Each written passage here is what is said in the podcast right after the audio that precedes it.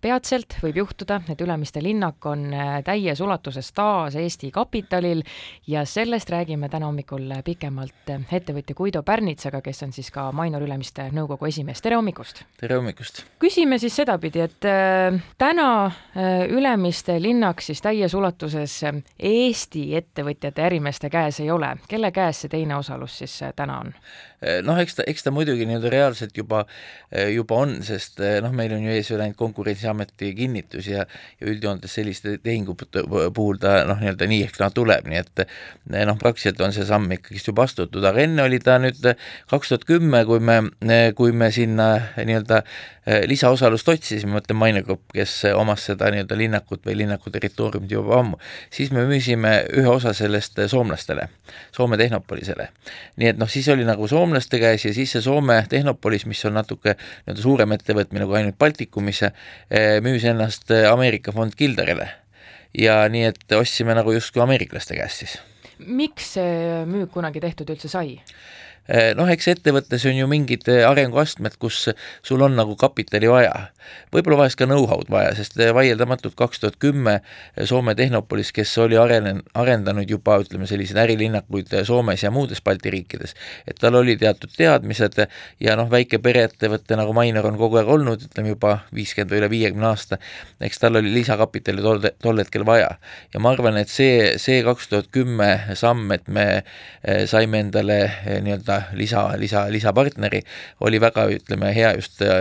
noh, linnaku arendamises, et eks ta kiirendas meie arengut kindlasti. nüüd on olukord jah teine. aga nüüd tuleb see osalus tagasi osta äh, palju kõrgema hinna eest? noh, eks ta ikka hinnad muidugi kui suur see siis vahe on? Eh,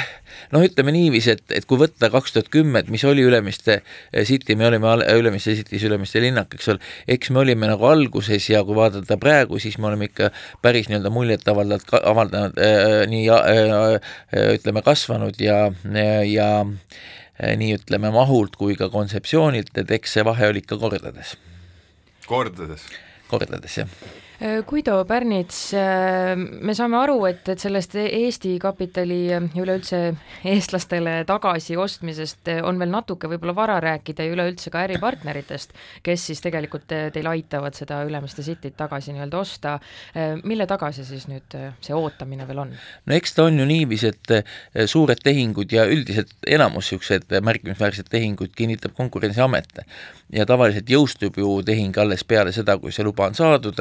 ja, ja meil on kokkulepe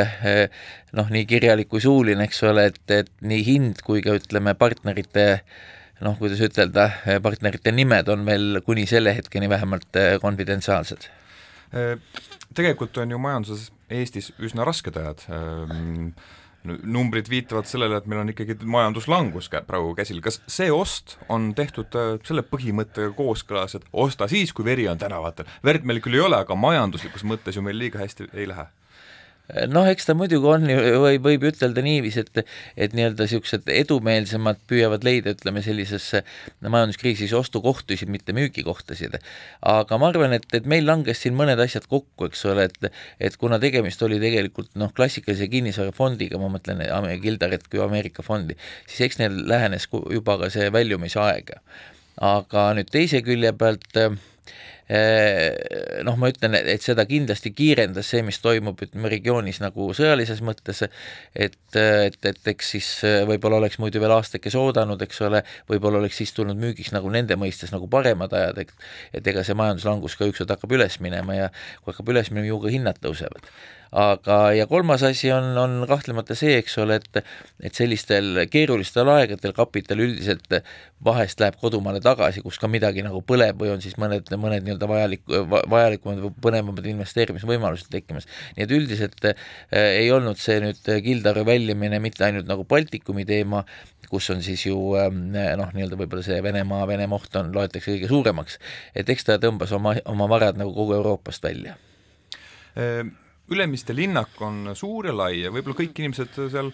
ei olegi käinud, aga kus kõik inimesed ilmselt käinud on, on Ülemiste keskus ja see on samuti teie omanduses. kas te Ülemiste keskuses näete seda, et inimeste ostujõud on kuidagi alla läinud? ma mäletan, et Covidi ajal te tõst-, tõmbasite siis need üürihinnad ettevõtjate jaoks alla et nad, nad olid hädas, aga nüüd, nüüd vist hetkel nii karm olukord ei ole veel ettevõtjate jaoks? noh, ütleme noh, vale oleks ütelda, et, et kui nüüd võtelda keskust, et et keskuse nii-öelda käibeid ja kauplustes olevaid inimesi nagu on nüüd sama palju kui, kui nii-öelda heal ajal, eks ta ikka mõjutab, aga mitte midagi nagu fataalset ei ole, noh, kui nüüd Covidit võtta, siis lihtsalt keskus oli kinni. Ja, ja noh, eks see oli ju argument ka kaupmeeste poole pealt, et et noh, kui on võimalik, et ma parem ei maksaks siis renti, kui, kui, kui ma ei saa sinna inimesi kutsuda, nii et eks see situatsioon on ikka oluliselt teine et kui jah, siis me rääkisime, et me vabastasime põhimõtteliselt kõik oma rentnikud rendimaksete, siis nüüd, kui me räägime üldse mingitest nii-öelda mööndusse, siis on põhimõtteliselt ikkagist nii-öelda üks-ühele arutelud, kas see on ikka nagu mõistlik enne kui uuesti uurin teilt äh, Ülemiste City teemal, siis äh, pean kasutama võimalust, oleme siin teistelt inimestelt küsinud enne, et äh, ostukeskuste parklad on ju täiesti triiki praegu täis. mida ütlete keskuse juhina selles mõttes, et kas minu selline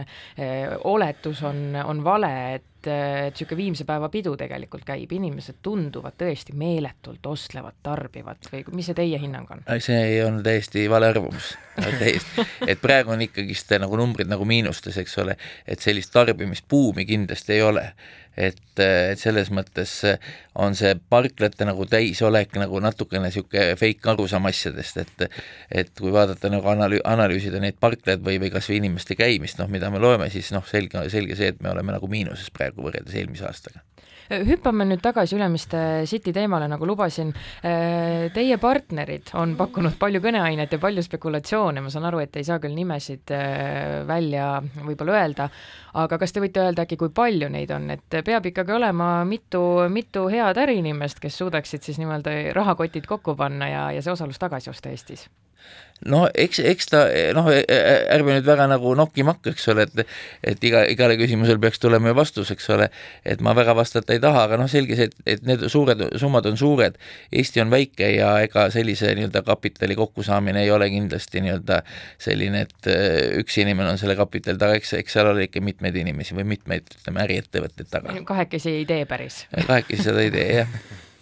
ettevõtjatelt küsitakse ikka, et mida teie ootate eh, valitsuselt ja meie riigijuhtidelt, mida teie ootate äh. praeguses olukorras? See on nagu ütleme, päris nagu keeruline asi, et mida nagu oodata, eks ole, sest alati on ju lihtne olla nii-öelda ettevõtja selles mõttes ja siis nii-öelda kiruda või, või näpuga näidata valitsusele või poliitikult, mida nagu teha tuleb. et need on nagu kaks täiesti erinevat maailma. et ma usun, et need, kes siin kõige kõvemad nagu ettevõtjatest võib-olla sellised noh, ma ei ütleks, et targutajad, aga sellised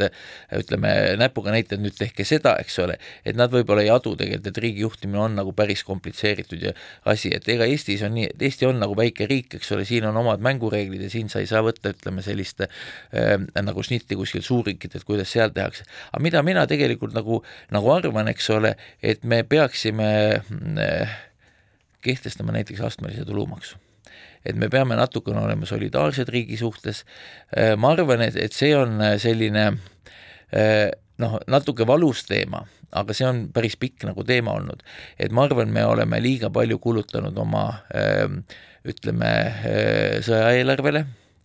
et kui ma vaatan seda, et millised nagu summad on tegelikult riigisiseselt puudu, et siis võib ütelda niiviisi, et kui kunagi ütleme seda kaitse-eelarvesse pandud raha vaja on, siis pole nagu kedagi kaitsta. noh, see on küll natuke nii-öelda üle võlli öeldud, eks ole, aga kõik, mis me räägime siin kas või õpetajatest või sisejulgeolekust, et see on ju tegelikult vaeslapse osas. ja ma arvan, et, et sellest peaks olema majandusarengus küll igaüks aru saama, et kui me räägime haritud inimestest, siis need on need, kes majandust edasi lükkavad. ja kui me räägime nüüd, ütleme, et meil on õpetajate puudus, eks ole, või õpetajate kvaliteedi puudus, siis see on täpselt, kuhu tegelikult raha tuleks nagu pikas perspektiivis viia. ülejäänud juba on niisugune maitse asi, kes tahab teha personaalset riiki, eks ole, kes tahab, ütleme, automaksu teha ja ja ma arvan, et see, need ei ole niisugused põhimõttelised asjad, aga põhimõtteline asi on ikkagist nii, et haritud riik peab olema, haritud inimesed peavad olema, see raha tuleb leida ja sinna tuleb raha rohkem suunata, kui võib-olla ütleme siin, ütleme, et iga hinna eest osta üks, üks uus tank juurde palju on räägitud ka sellest, et meil äh, maksusüsteem on kuidagi väga noh, volatiilne, et kogu aeg muutuvad maksud ja, ja see on, käib ettevõtjatele sageli närvidele, kas teie tunnete samamoodi? ei tunne ausalt öeldes ma ei tunne seda ja maksud ikka muutuvad, eks ole. ja näiteks, kui me räägime nagu käibemaksu tõusust kaks protsenti, see on selgelt nagu üle dramatiseeritud nii-öelda paanika selle, selle maksu kui sellise juures, eks ole. et, et, et siin ei ole näiteks mitte midagi pistmist sellega, et hinnad on tõusnud, mida ju inimesed räägivad, et et näed, nüüd tõsteti kaks protsenti käibemaksu, et nüüd hinnad kohutavalt tõusevad kakskümmend protsenti, eks ju. Need on hoopis teised asjad, hoopis teised tegurid ja ma arvan, et makse tuleb nii palju koguda, kui riigil on vaja, eks ole, ja, ja ma arvan, et Eesti maksusüsteem ei ole, ei ole teps mitte nii-öelda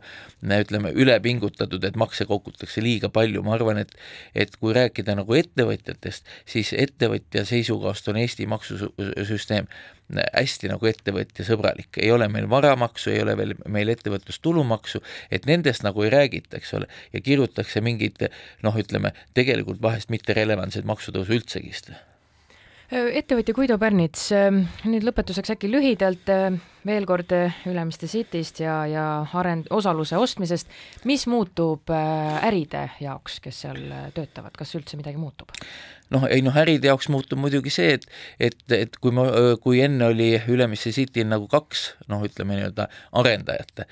kui on üks arendaja, pilt on oluliselt selgem, me saame teha, teha esiteks noh, nii-öelda äriliselt palju efektiivsemad ja ka mõi-, ja ka nii-öelda kogukonna mõistes ikkagist on üks juht, ühed inimesed, kellega suhelda, eks ole, et ei ole nii, et, et see maja on sinu oma, sina mine tema juurde see maja on tema oma, eks ole, see on nagu üks asi, teine asi on kindlasti, et kui me räägime nagu äh, partnerite li-, äh, kaasamisest, et see ei pruugi alati tähenda seda, et me nüüd ostame ainult midagi välja, ma arvan, et ettevõte saab ka piisava kapitalisüsti, et ütleme, oma arengut kiirendada ja ja ma arvan, et et kui Ülemiste City's on rohkem elu, et siis on kõigile, kes seal nii-öelda resideeruvad või tegutsevad, see kasulik. nii et ma arvan, et see, see samm, mida me nüüd tegime, et see ei ole puhtalt, ütleme nüüd ettevõtja omanike keskne, et, et ma arvan, et äh, Ülemiste City's ja kuna Ülemiste City on siis siiski ka noh, Eestis siiski küllaltki nii-öelda märkimisväärne ärikogum, et ka see toob nagu Eestile kasu suur aitäh, Guido Pärnits, täna hommikul meiega nii Ülemiste Cityst kui ka nii tarbijatest kui ka valitsuse otsustest arutlemast, aitäh, jõudu! aitäh, aitäh!